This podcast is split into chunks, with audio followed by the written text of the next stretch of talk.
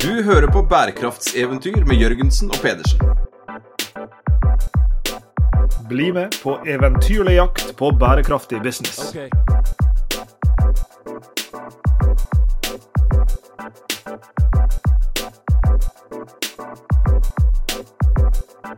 Er det alt du driver med i livet, Sveinung, som eh, lønner seg økonomisk?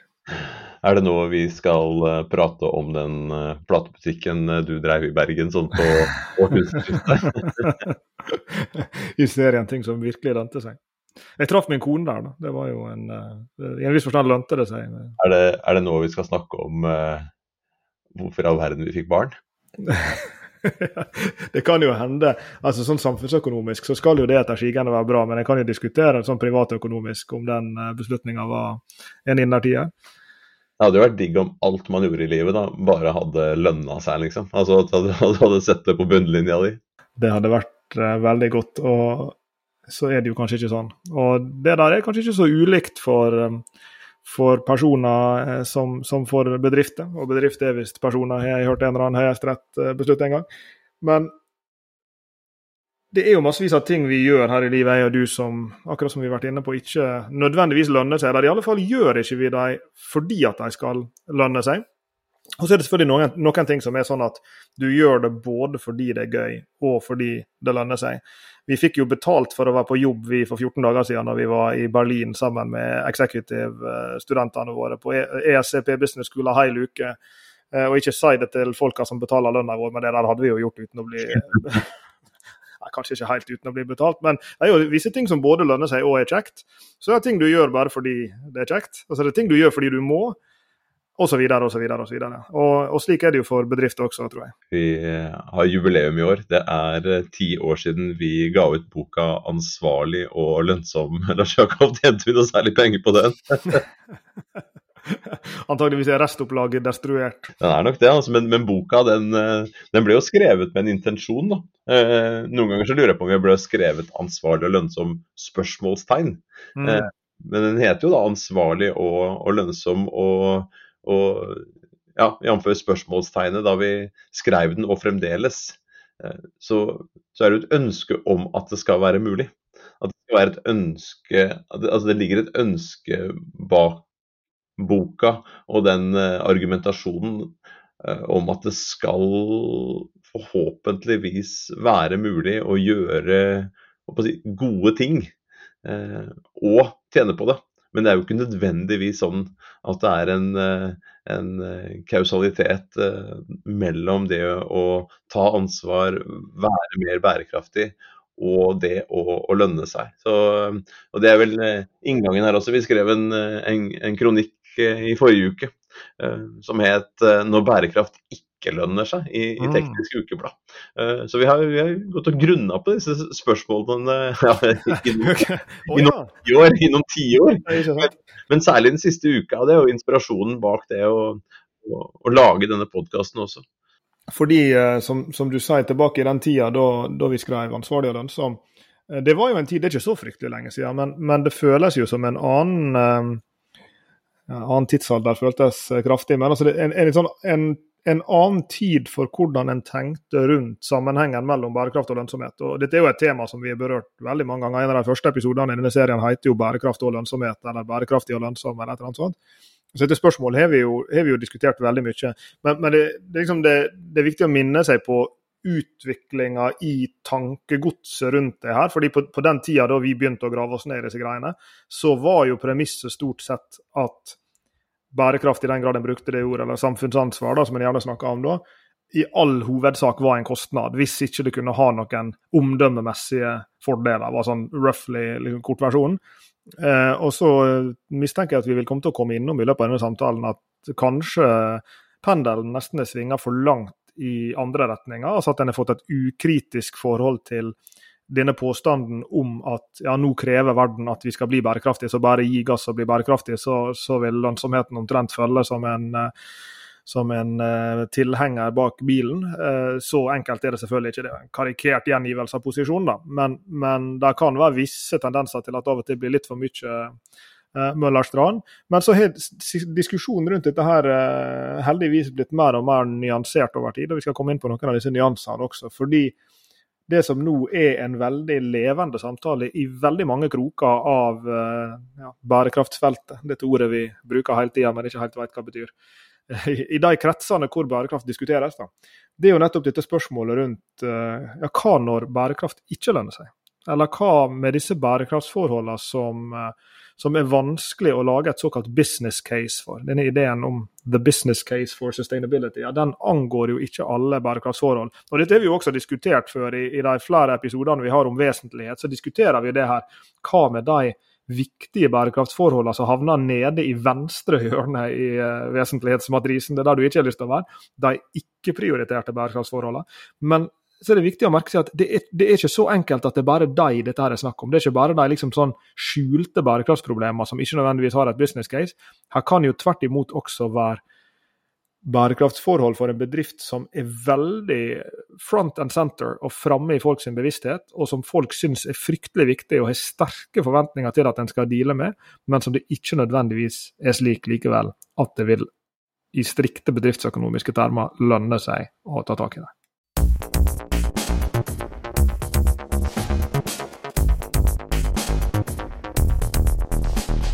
Så bør vi ta et skritt tilbake nå. Eh, bør vi gå tilbake til samfunnsansvar? Det er jo noe du og jeg har diskutert den, eh, den siste, siste, tiden. Bør vi børste støv av det gamle corporate social responsibility? Bør vi begynne å snakke mer om næringslivsetikk? Eh, mm. når vi snakket om det før, så var det mange som dro på, på smilebåndet, altså business ethics. Er det mulig å snakke om både business og ethics eh, på, på, samme tid, er ikke business i sin natur skrudd sammen for det motsatte.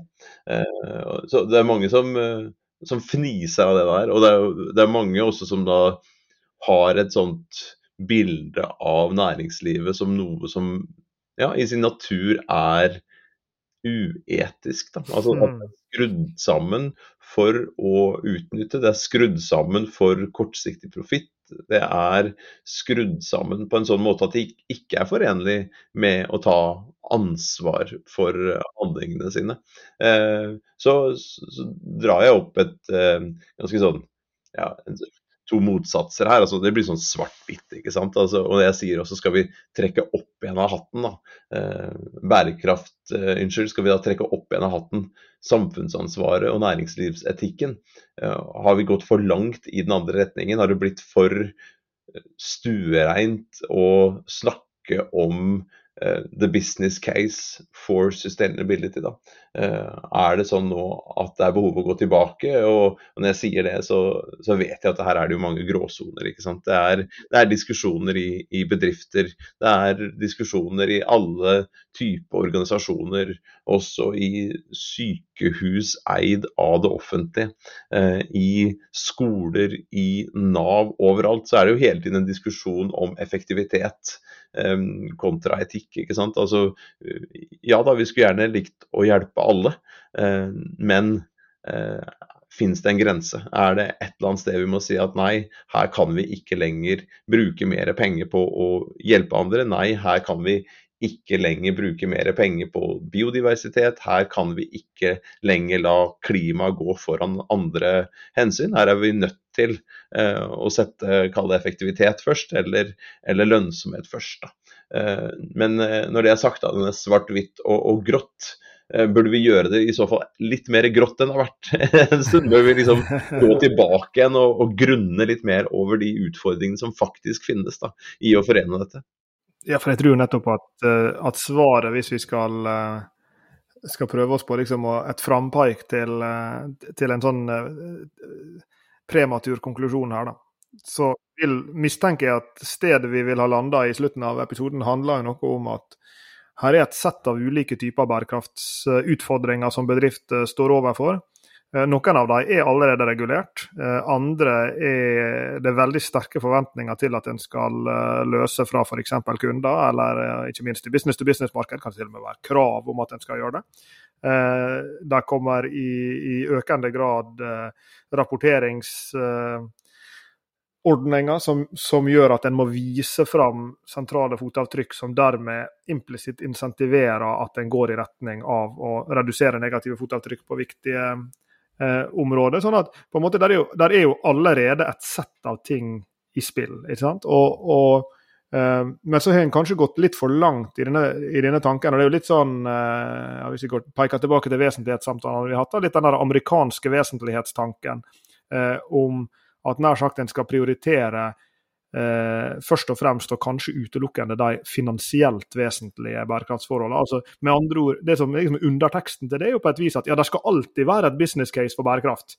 Og, og, risikoen da, og det, jo, det, hører vi jo mange hjertesukk fra, både fra folk som, som jobber som bærekraftsansvarlige bærekraftsdirektører osv., men senest forrige uke så spiste jeg middag med en, eh, en administrerende direktør som, som, eh, kom med hjertesukk fra motsatt side av bordet, eh, og nemlig sa at, at han syns at det var så leit at de som jobber med bærekraft i virksomheten som, som denne direktøren leder, følte behovet for alltid å måtte lede an viktige bærekraftsatsinger med liksom presise business case. For som han sa, det kan jo være mangfoldige grunner til at vi velger å si at ja, vi skal satse på mangfold og inkludering, eller ja, vi skal sette i gang dette Net Zero-programmet. Og, og, som han sa, det er jo ikke nødvendigvis kun av finansielle grunner vi gjør det. Det kan jo være et et sett av ulike motiv for hvorfor vi gjør det. Det kan dels være at vi tror at det kommer noen reguleringer der framme, det kan dels være at vi tror at kundene våre verdsetter det, og det kan dels være at jo, vi tror faktisk at vi kan spare.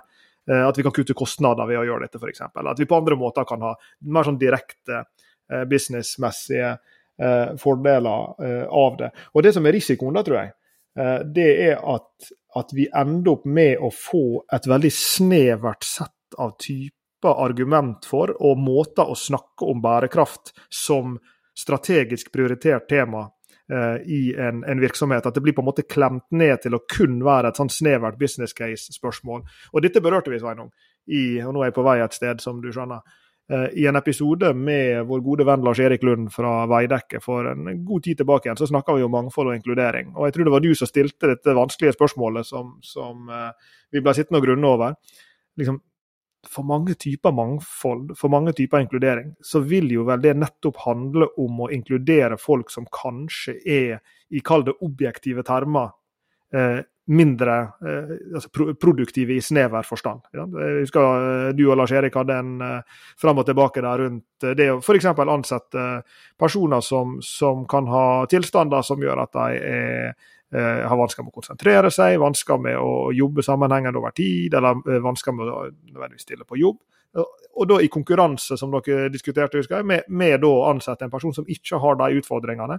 Ja, Det er vanskelig å liksom komme med et strikt business case for det. Og Så leder det eh, inn i denne samtalen om de, de ulike grunnene eh, for å satse på mangfold. hvor Noen av dem kan være av økonomisk karakter, men det kan jo også være mange andre grunner til å, å, å gjøre det.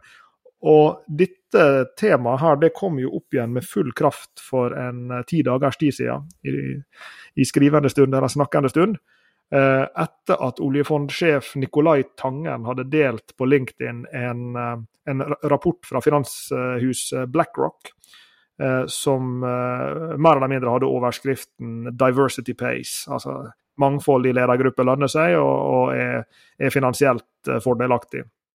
Og da satt det en finansprofessor borte i London og hoppa i stolen. Eh, både én og to ganger, tror jeg. Og han eh, kommenterte det på direkten i tråden der. Han delte sin egen post på LinkedIn, og jaggu eh, en liten uke etterpå så delte han én til, der han nok en gang henviste tilbake igjen til denne posten til uh, Nicolai Tangen. Og Dette var altså da finansprofessoren Alex Edmonds, som vi har snakka om uh, flere ganger før i denne podkastserien.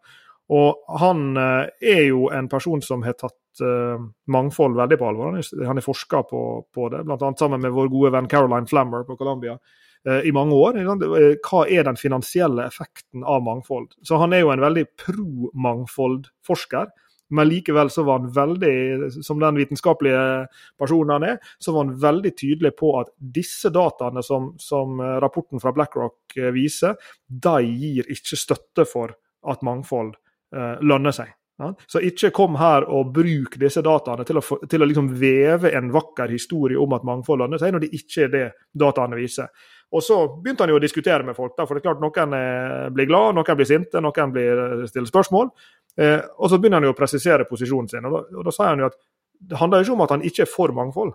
Det handler ikke om at han ikke mener at mangfold er viktig, og at vi, burde, at vi burde jobbe for mangfold. Og kanskje til og med at mangfold har alle mulige slags positive effekter som vi ikke nødvendigvis klarer å måle, ikke nødvendigvis klarer å fange opp, og ikke minst over tid kanskje kan føre til, til finansielle eh, fordelaktige resultat. Men basert på dataene som ligger foran oss, var Edmund sitt poeng, så er ikke det den rimelige konklusjonen. Og da må vi spørre oss det neste spørsmålet. da, ja, Betyr det i så fall at nå når vi har rota oss inn i denne business case-veien, da, ja, skal vi slutte med mangfold? da? Fordi at det, vi ikke klarer å vise her vitenskapelig at det lønner seg. Eller kan det tenkes at verden er litt mer gråsone, litt, mer, litt mer kompleks? At vi har, som denne direktørvennen min eh, sa her forleden dag, da, eh, at vi har et kanskje litt mer komplekst sett av grunner for å velge å gjøre de tingene vi gjør, og at vi dermed kanskje er minst like motivert for å kjøre ned mangfoldssporet som før, men ikke nødvendigvis med den begrunnelsen som vi trodde at vi hadde. Check it out.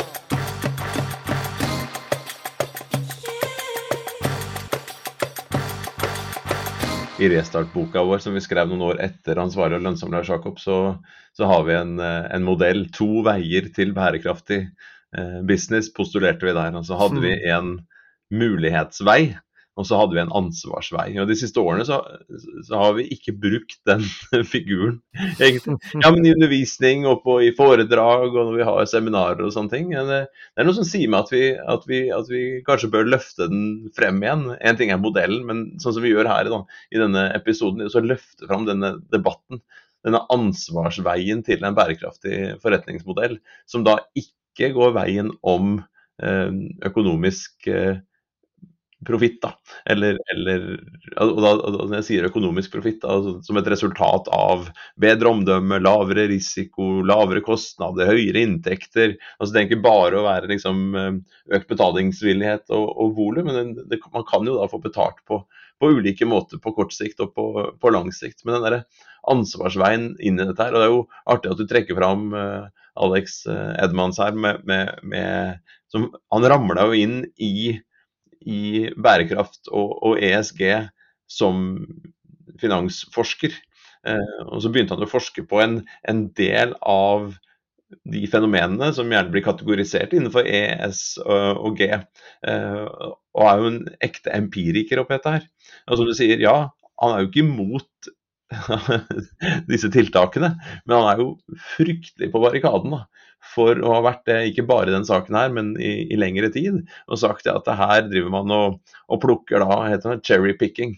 Man plukker ned det som passer en gitt argumentasjon, og så, og så bruker man det for å, å hevde at en, en, en viss strategi f.eks. da er, er, er, bedre enn en annen. Og som du sier, det betyr jo ikke at han og andre med ham er imot det, men man vil nødvendigvis ikke Eh, finne økonomiske eh, rasjonelle grunner for å gjøre det. Eh, I forrige uke Lars Jakob, så ble du og jeg faktisk observert på to forskjellige steder på samme tid. Fra normal aktivitet. Jeg vil utfordre deg litt på, på, deg litt på hva du dreiv med etterpå. Men jeg havna da aleine på nasjonal uh, veilederkarriere konferanse. Jeg vet ikke om jeg klarte å si det helt riktig, men, men det var i hvert fall en nasjonal eh, konferanse eh, for eh, de som jobber med karriereveiledning. og Der ble jeg utfordra litt sjøl på, på, hvilke råd jeg ville gitt meg for 20 år siden, for, for, for 30 år siden. Kort sagt, don't do it. Nei, absolutt. Eh, hvorfor i all verden begynte jeg med bærekraft for, for, 20 år siden? Jeg satt der med relativt god utdanning og, og, og begynte på doktorgradsløpet sammen, sammen, med deg og begynte å grave oss, oss, oss, ned i dette. It seemed like a good idea at the time. Uansett hvordan jeg snudde og vendte på dette her, så, så, så veit jeg jo at jeg er jo bare en ekstremt Eh, privilegert eh, person som ikke skal klage på, på, noe som helst. Eh, rett før meg på scenen så, så, fikk jeg gleden av å høre på Tor Andreas Bremnes i et selskap som heter Inclu AS. Og de hjelper bedrifter med å få folk med funksjonsnedsettelser ut i jobb, og det var utrolig spennende å, å, å, å høre på. Eh, han snakket jo også om seg selv da, som sånn direktørsønn. En hvit, privilegert eh, direktørsønn, men da med noen fysiske eh, utfordringer. Og så gikk han gjennom og, og så på og avdekka faktisk en del data på hvordan de fleste av oss eh, ser på mennesker med funksjonsnedsettelse. Ser på hva som skjer i en søkerprosess, om disse menneskene blir silt ut tidlig, eller om de får lov til å komme på intervju i det hele tatt. Og i hvilken grad arbeidsgivere klarer å se eh, nytten av å ha en som han sa, f.eks. en blind prosjektleder. Eh, han brukte eksempelet og, og sa det at han hadde jo en, hjulpet av en, en, en, et menneske da, som tilfeldigvis var ikke så. Inn i en sånn type stilling. Eh, og de hadde jo da argumentert for at altså, et, et, menneske som ikke ser, det er nødt til å planlegge dagene sine fra de står opp om morgenen til de legger seg. Hvor skal de reise, når skal de gå på bussen, hvor mange stopp er det før de skal gå av, hvilken retning er det du skal gå etter at du kommer av bussen. Eh, så han sa hvis du er så heldig da, å få dette her mennesket som prosjektleder, inn i din eh, organisasjon, ja, da skal du i hvert fall være veldig trygg på at hele prosjektet er, eh, er ivaretatt. Og, og, vedkommende vil kunne avdekke feil og mangler underveis. Så er det en del utfordringer, ikke sant. Som han sa, det, du, hva er det han sa for noe? Folk som sitter i, i, rullestol, som ikke får seg jobb fordi at de pleide å ha fest en gang i året i denne bedriften på en hytte, og der var det ikke mulig å komme seg inn med rullestol. Eh, altså En sånn type argumentasjon rundt det, eh, hvor disse menneskene absolutt da kan bidra. Altså, her er det jo eksempler som, som Tor André også viser til, hvor du, hvor du faktisk kan være øke effektiviteten, være lønnsom. Eh, men så er det kanskje ikke sånn alltid allikevel. Det kan jo hende da sammen med en, en, person som ikke ser, eller noen som sitter i en, en, en stol som ruller for å, for å bevege seg, at, at, det medfører noen kostnader. Det er ikke sikkert at det alltid vil være sånn at, at, at det vil lønne seg eller, eller, øke effektiviteten, selv om man vil finne veldig veldig mange gode eksempler eh, på det. Uh, så satt jeg og reflekterte, og, og, siden vi spant rundt på denne ansvarlighetstanken allikevel, så tenkte jeg liksom ja, Hva med de tilfellene hvor det ikke lønner seg, da? Hva er det vi da skal gjøre? Skal vi vente på at det å ha flere kvinner i styret øker lønnsomheten til bedriftene? Skal vi vente på at, at det å, å, å, bruke folk med noen funksjonsnedsettelser, at vi finner den der perfekte måten å utnytte liksom, den blindes fortrinn eh, som prosjektleder?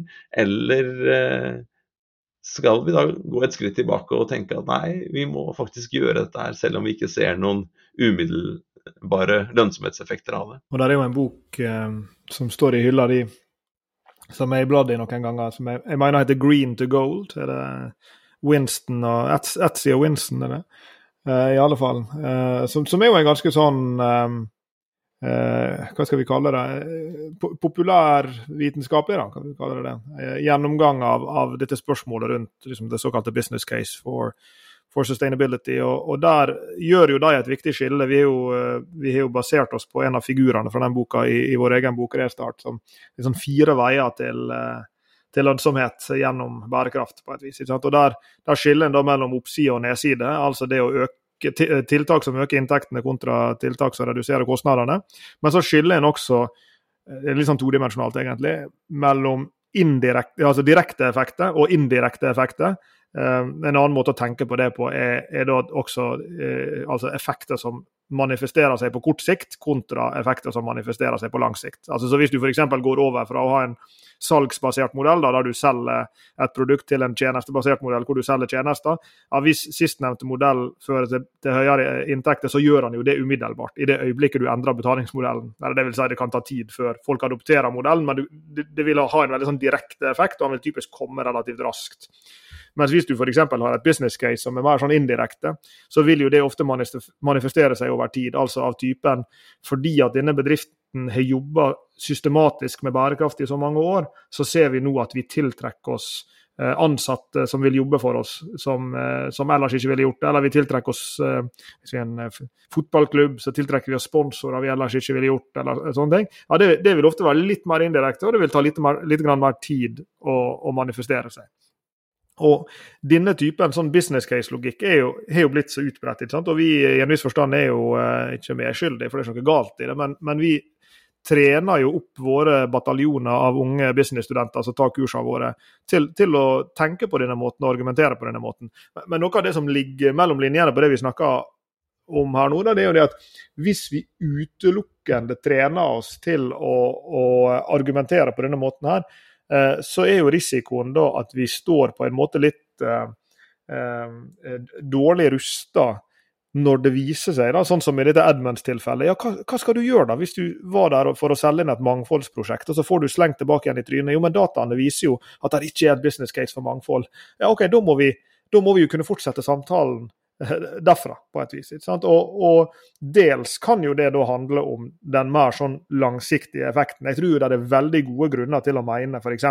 I alle fall er det en, en ganske godt kvalifisert hypotese da, å si at jo mangfold kan ha en finansielt fordelaktig effekt over tid ved at bedrifter som blir mer mangfoldige, de speiler bedre det kundegrunnlaget som de skal betjene. De blir, bedre, altså de blir bedre egnet til å forstå det samfunnet de er en del av. Eh, og Det er ikke sånn som du ser på neste kvartals resultat nødvendigvis, men over tid. ja Det, kan, det finnes en, en litteratur for eksempel, som argumenterer for at, at disse typene mangfold øker den såkalte eh, hva de kaller det, absorptive capacity. altså Eh, eh, liksom, evnen til bedriften til å absorbere signal fra markedet og signal fra samfunnet rundt seg, og det kan gjøre dem mer innovative. Ja, ok, Greit, der har vi en, en hypotese, og den hypotesen den kan testes, men det vil ta tid å, å gjøre det.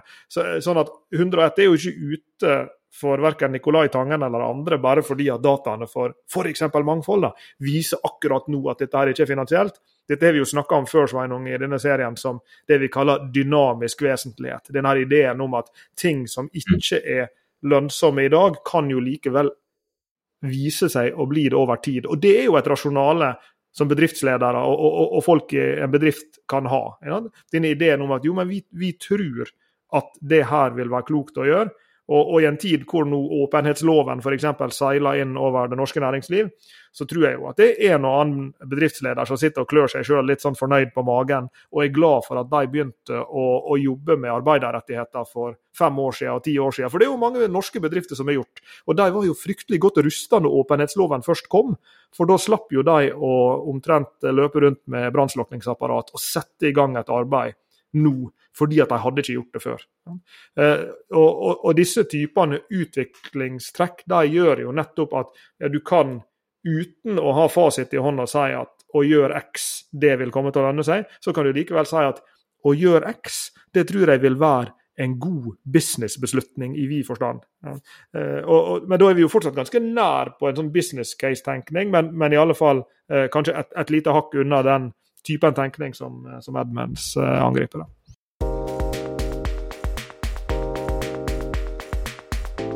Da jeg var på nasjonal karriereveiledningskonferanse forrige uke, så var du på Jeg måtte bare ta, ta sats. Så, så, var du i eh, styremøte og, strat, og på strategiseminar med, med Vinmonopolet. Mm. Kan ikke du dra noen overskrifter fra, fra disse møtene, og, og hvordan det henger sammen med det vi diskuterer her? Ja, det er jo interessant for en, eh, for en um, virksomhet som Vinmonopolet, som, som, ligger jo liksom et sted midt imellom tradisjonelle profittsøkere bedrifter og det som Vinmonopolet jo er, som er jo egentlig en, en, eh, en statlig alkoholpolitisk Eh, virkemiddel, om du vil. Eh, men det drives jo som, en, som det det er, nemlig en stor retail-aktør. Og, de som kjenner Vinmonopolet sitt arbeid og, har fulgt det, du kan jo lese mye om det på, på, nett, fordi det ligger jo åpent ute så veldig mye av bærekraftsarbeidet til Vinmonopolet. Så vil en jo se at de faller jo inn i nettopp denne, denne beskrivelsen som, som, jeg nettopp dro her, av en, en virksomhet som har tatt på selvstendig grunnlag, og, og, kanskje like mye fra et sånn ansvarlighetsperspektiv eh, som, som, et sånn snevert business case-perspektiv, ganske tidlige grep i retning av å å, gå noen skritt lengre enn det som er påkrevd. F.eks. rundt sånne ting som å gjennomføre aktsomhetsvurderinger og ha en policy for uh, menneskerettigheter og arbeiderrettigheter. Ikke bare i den selvfølgelig eh, komplekse globale leverandørkjeden som, som en virksomhet som Vinmonopolet har, men, men også eh, nasjonalt, hvor en har butikkdrift med, med, bygg som skal driftes og, og, vaskes, og lastebiler som skal kjøre produkt fra AtB og, og alt det her. Eh, og, og liksom, sånn, Noen av disse tingene her er åpenbart gode businessbeslutninger også i en snevrere forstand. Eh, andre av dem i en litt mer utvida forstand, hvor du ville tenke at det er liksom sånn omdømmebeskyttende å ta disse ekstra stegene i retning av å sikre at en, en opptrer på en ansvarlig måte. Mens noen av dem kanskje er ganske godt inne i det du innledningsvis i, i episoden snakka om som mer sånn ansvarsbaserte beslutninger. Ja? Eh, og, og um, min mistanke fordi Innledningsvis Einung, så sa jo du at så sa du at eh, kanskje må vi noen skritt tilbake igjen til, eh, til ansvarligheten. Jeg, jeg, tror på en måte at eller en, en, annen måte å tenke på det bare, er jo at denne ansvarligheten på et vis er der. Eh, han blir bare ikke snakka så mye om, og han blir ikke løfta fram som et rasjonale, fordi det er jo mye på en måte mye mer komfortabelt for en leder å argumentere ut fra business case-grunner, altså risikostyringsgrunner osv. Og, i en viss forstand slippe eh, å, å, å, å, trekke inn sånne ansvarlighets- eller sånne normative begrunnelser for det en gjør. Um, jeg og du satt og koste oss her med, med um, for det er jo slikt vi driver med. Jeg satt og koste oss med litteratur fra, fra uh, den uh, hva skal vi kalle han? Eh, kjempen, er det lov å si det? Og da mener jeg ikke i uh, fysisk forstand, men i intellektuell forstand. Ed Freeman, som er professor i jeg tror faktisk i næringslivsetikk, hvis du går inn og ser. på Wharton, Ikke Wharton, men på jo, det er vel Wharton som ligger der, University of Virginia. Helt riktig. Wharton School of Business. Jeg traff den der eh, lille kjempen her vi da på København for noen eh, år siden. Eh, hvor han feide å sitte av banen oppå, oppå scenen. Det var mm. fantastiske foredrag og, og diskusjoner han hadde med, med, kolleger der. Og så havna vi etterpå over noen grønne Carlsberg ute på, ute på den danske konferansen. Ja, fy flate. Kudos til uh, Copenhagen Business School som har Carlsberg som sponsor for sine konferanser. Det er altså bare et, et move av en annen verden. Så takk til mm. våre venner i København. Arranger flere konferanser, vær så snill. Vi var så heldige å bli sittende rundt et, et, lite bord på tampen av konferansen med han, og så satt vi der og diskuterte musikk, da selvfølgelig. For han er jo bluesfyr og har bluesklubb borte i Charlottesville. Altså. Tror du det lønner seg for han å ha den der blues? Han har til og med plateinnspillingsstudio plat, uh, i Tror ikke det lønner seg, som jeg tror han har det jævlig gøy. Han sa det at uh, han hadde den har skrevet den minst leste og mest siterte boka i verden. så type, type 1980-tallet så skrev hun en bok om, om stakeholder, stakeholder, capitalism, stakeholders. Jeg, jeg tror boka heter Sveinung, han er fra 1984, og jeg tror han heter hvis jeg husker rett, Strategic ja. Management, colon, A Stakeholder Perspective. Og Dette er jo en sånn bok, akkurat som du sier, alle på en måte kjenner den, men det hadde vært fryktelig morsomt å vite hvor mange som faktisk har lest den. Ja, vi tror den heter, men vi har nok sitert den jeg, har til, jeg, har ikke lest hele fra A til Å, men jeg har, jeg har, lest nok i han til å Tørre å sitere den. Til, til å tørre å sitere den, ja. Men, men, mange har jo misforstått ham, da, og du skal få lov til å fortsette resonnementet ditt, men misforstått denne stakeholder, interessenttilnærmingen til å være mot business. Mm. Eh, og det han derre eh, fantastisk lille skjeggete eh, krølltoppen eh, deklamerte på scenen, var jo nettopp det motsatte. Og for noen dager siden så, så ramla vi over en artikkel han har skrevet, Lars Jakob. Mm, og den har vi faktisk lest også, så vi kan til og med sitere den hvis vi har lyst. Men Ed Freeman, da, for de som ikke, ikke vet det, han er jo da altså en, en altså Han er jo en av, av de ledende skikkelsene på kall det liksom, forretningsetikkfeltet i utgangspunktet. Det er jo det han, han ble kjent for. Men så, så skrev han denne boka der han mer eller mindre artikulerte det som vi i dag tenker på som moderne interessentteori. Som, som egentlig altså Halvparten av bærekraftsarbeidet til bedrifter baserer seg jo på en eller annen variasjon over denne typen interessentlogikk. Eh, og så er det jo ofte sånn at når du skriver en definerende tekst, så vil folk prøve å eh, ta deg til inntekt for sitt syn. Eh, så der er jo veldig mange som tar Ad Freeman til inntekt for en litt sånn anti-business-posisjon.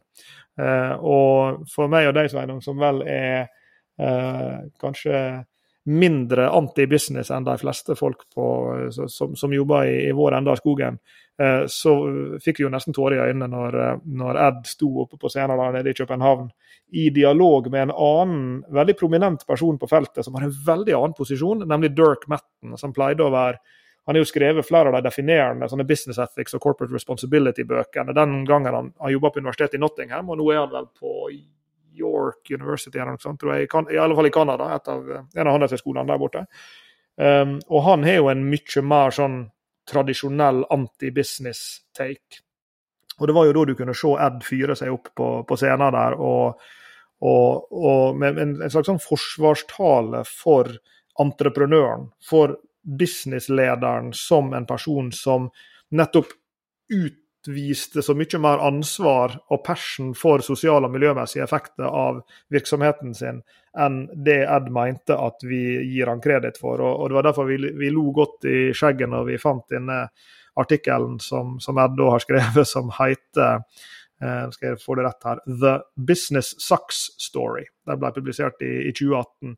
Eh, og Der går han altså i strupa på dette business sucks-perspektivet, som han kaller det. Altså denne innsmugla ideen om at og som kanskje er en konsekvens av en overdreven business case-tenkning. At vi da i en viss forstand reduserer bedrifter til å utelukkende handle om business case, og vi reduserer ledere sin måte å ta beslutninger på til kun å være business case-basert. Og så uh, legger han fram et ganske lidenskapelig forsvar for et, en mye bredere forståelse både av business og av beslutningene som folk tar uh, i business. Og som alltid Sveinung, så befinner vi oss svømmende et eller annet sted i gråsonene her. Mm.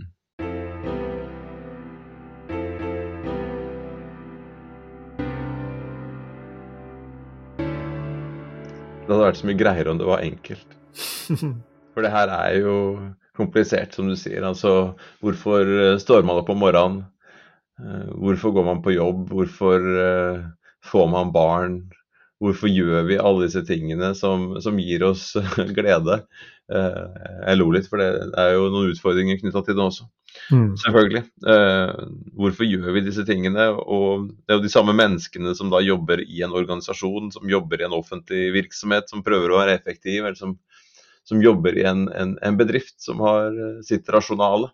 Og disse beslutningene som blir tatt i virksomheter, er jo ikke enten-eller. Det er jo ikke alltid profittorientert. Det er heller ikke kun ansvarsorientert. Og vi vet jo at det er jo mange grunner til at vi gjør ting. Det er jo ikke én motivasjon som ligger bak det å gjøre en, en ting. Det ligger jo ofte flere ting bak det. Hvorfor sitter du og jeg her nå og har en podkast? Det er jo ikke bare den ene eller den andre, andre grunnen. Det er jo et ønske om å, å formidle, det er, et, det er, jo et, ansvar for å, å formidle. Vi syns det er gøy, det er uh, artig å møte folk der ute som, som, som, lytter. Det er gøy å få mail og meldinger og med, med, kommentarer og spørsmål. Så det er, det er, mange mange, mange beveggrunner som ligger bak dette. her, og det, Sånn vil det jo også være i, i bedriften. Og, og, vi kommer jo oss ikke unna. Uh, næringslivet anno 2023 eller 2013 eller eh, når det måtte være. At det også ligger en del beveggrunner her som, som ikke alltid tåler dagens lys. ikke sant? Altså At det ligger, at, det blir tatt beslutninger av, av, mennesker som kanskje ikke mener vondt, men hvor det ligger da i eh, jeg vet ikke, organisasjonens natur eh, å ta en del valg som, som, som kan kan være kanskje lønnsomme på kort sikt, men som, som vil ha negative konsekvenser for samfunnet og, og miljøet og for vår felles økonomi på, på både kort sikt og på, og på, lang sikt. Så som vi begynte, da, det å løfte opp ansvarligheten igjen. Eh, orke å gå litt inn i det og også finne gode argumenter for å være bærekraftige selv når det ikke lønner seg. Eh, og Vi sier ikke at det er enkelt. Vi sier ikke at bedriftsledere der ute skal gå til, eh, til aksjonærene sine og si at her må vi bare tåle å tape penger framover, folkens. For her har vi et ansvar. Så, så de sparepengene som dere har putta inn hos oss, vi håper over tid at de vil gagne dere. Vi håper over tid at eh, dere skal få pensjoner eh, ut av dette her, og, og overleve og leve, leve, greit også som pensjonister. Men vi må vente, vente, og se. For vi gjør mange mange tiltak nå i, i virksomheten for å bidra til å nå bærekraftsmålene, for å, for å være en mer samfunnsansvarlig aktør. Men dessverre, dette her har vil medføre store kostnader. Og det er nok ja, det er nok eh, lite sannsynlig at det, at det blir lønnsomt. For, for, her er jo vi, vi akkurat uh, Her får vi så godt fram disse to graftene. ikke sant? For Nå har vi via ganske mye tid til én graft, og så er det jo en åpenbar graft på, på andre sida. Det er jo der vi kom fra. Det er jo slik det på, i en viss forstand var når vi begynte å jobbe med disse tingene for alle disse åra siden. Uh, så, så måtte en jo som som noen som skulle snakke om bærekraft, bruke de første, den første timen på å få ned skuldrene på at liksom, Vi kommer ikke her for å, for å snakke om noe som, som, utelukkende skal være på kollisjonskurs med lønnsomhet. Liksom, vi, vi, er for å diskutere under hvilke for, forhold og forutsetninger kan dette her bli lønnsomt. Så vi skal for guds skyld ikke tilbake igjen dit. Men i stedet for så er vel kanskje det vi oppfordrer til, eh, Sveinung, eller det som vi på en måte peker mot her, da, det er jo dette her hva, hva, er det en har i verktøykassa, og når er det de ulike typene løsninger eh, skal til. Ja? Eh, jeg tror f.eks. sirkulærøkonomien er kanskje det beste eksempelet på den typen frivillige innovasjonsprosjekt som leder til kombinasjonen av at en f.eks. kutter sløsinga av innsatsfaktorer, og samtidig blir betalt i form av at en da har lavere kostnader knytta til innsatsfaktorer. Eh, enten fordi at en eh, bruker mindre av ressursene på vei inn, eller at en lykkes med å gjenbruke det som en før tenkte på som avfall. Ok, Greit, det finnes slike typer vinn-vinn-lommer. Det er gammelt nytt, og det er godt etablert i, denne, i de 110-11 episodene før denne. Eh, at liksom, jo, selvfølgelig er det en stor del av bærekraftsamtalen. Så er liksom neste spørsmål ja, der er det neste verktøy da i kassa. Ja, av og til så må regulering til. Eh, vi har vært innom i, i flere episoder, bl.a. når vi snakka med Kristel Tonstad om åpenhetsloven, at ja, dette med menneskerettigheter og arbeiderrettigheter i komplekse globale leverandørkjeder, ja, det er kanskje et sånn type tiltak hvor vi ikke kan stole på markedet, at det skal løse seg sjøl. Her trengs det reguleringer. Derfor ser du at det skjer i Norge, i Nederland, i, i EU. for den sånn. Jo, det kommer eh, grep regulatorisk som gjør at en får løfta gulvet på et vis. Så kan en fortsatt håpe at bedriftene gjør ting på eget initiativ, eh, men, men, dette må til der. OK, har vi flere verktøy? Ja. Vi ser at det skjer sånne ting eh, i, i, noen marked, som at bedrifter slår seg sammen og sier la oss frivillig løfte gulvet. Eh, tenk på sånne ting som Marine Stewardship Council i, i, i havnæringa, eh, Forest Stewardship Council i, i liksom skogbruk og altså alt fra møbelproduksjon til hva det måtte være. Hva er det det egentlig er for noe? Jo, det betyr at aktørene i, i et marked frivillig går sammen om å si at ja, vi kan være villige til å gjøre ting frivillig, selv om vi tror at de isolert sett ikke lønner seg, forutsatt at vi vet at alle aktørene i bransjen gjør det sånn at det ikke er konkurransevridende. Sånn at ikke alle unntatt én havbruksaktør gjør det, og så kan den aktøren stikke av med all, eh, all, all profitten, karikert sagt. Eller at alle skogbrukerne gjør det, bortsett fra han ene der borte. Han tjener fryktelig mye mer penger enn oss andre. For da vil ikke det komme til å være stabilt. Da vil ikke det komme til å, eh, å, å fungere. Så i de tilfellene hvor da allianser bedrifter eller hele bransjer går sammen på den måten, ja, det er et tredje type verktøy.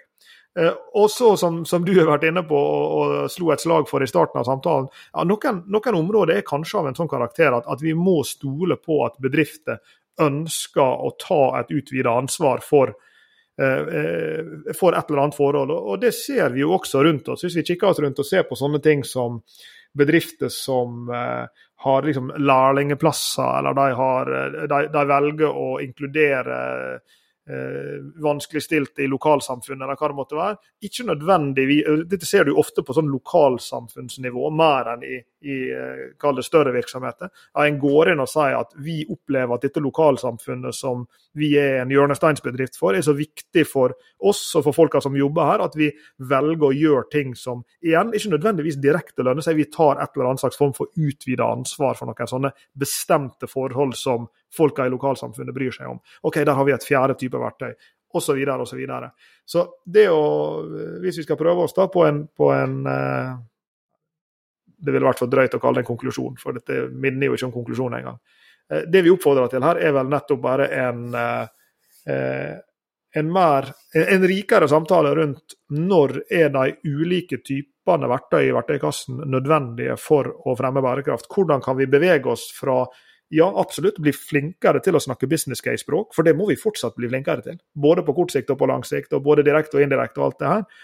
Men hvordan også fylle opp verktøykassa til bærekraftsjefen, bærekraftsdirektøren, eh, den der eh, unge studenten som er kommet fra våre kurs på NHH inn og har lyst til å endre verden og endre bedriften de begynner å jobbe for. Men også lederne på toppen av virksomheten som skal inn og forsvare for styret osv. osv. Eh, hvordan fylle denne verktøykassa enda bedre og gjør eh, settet av argument og eh, inngangsvinkler her eh, enda mer rikholdig. Lars Jakob, jeg tror vi skal klare å komme på flere ting å snakke om jeg, i fremtidige bærekraftseventyr. Takk for praten. Jeg gleder meg til fortsettelsen. I like måte. Du har hørt på Bærekraftseventyr med Jørgensen og Pedersen.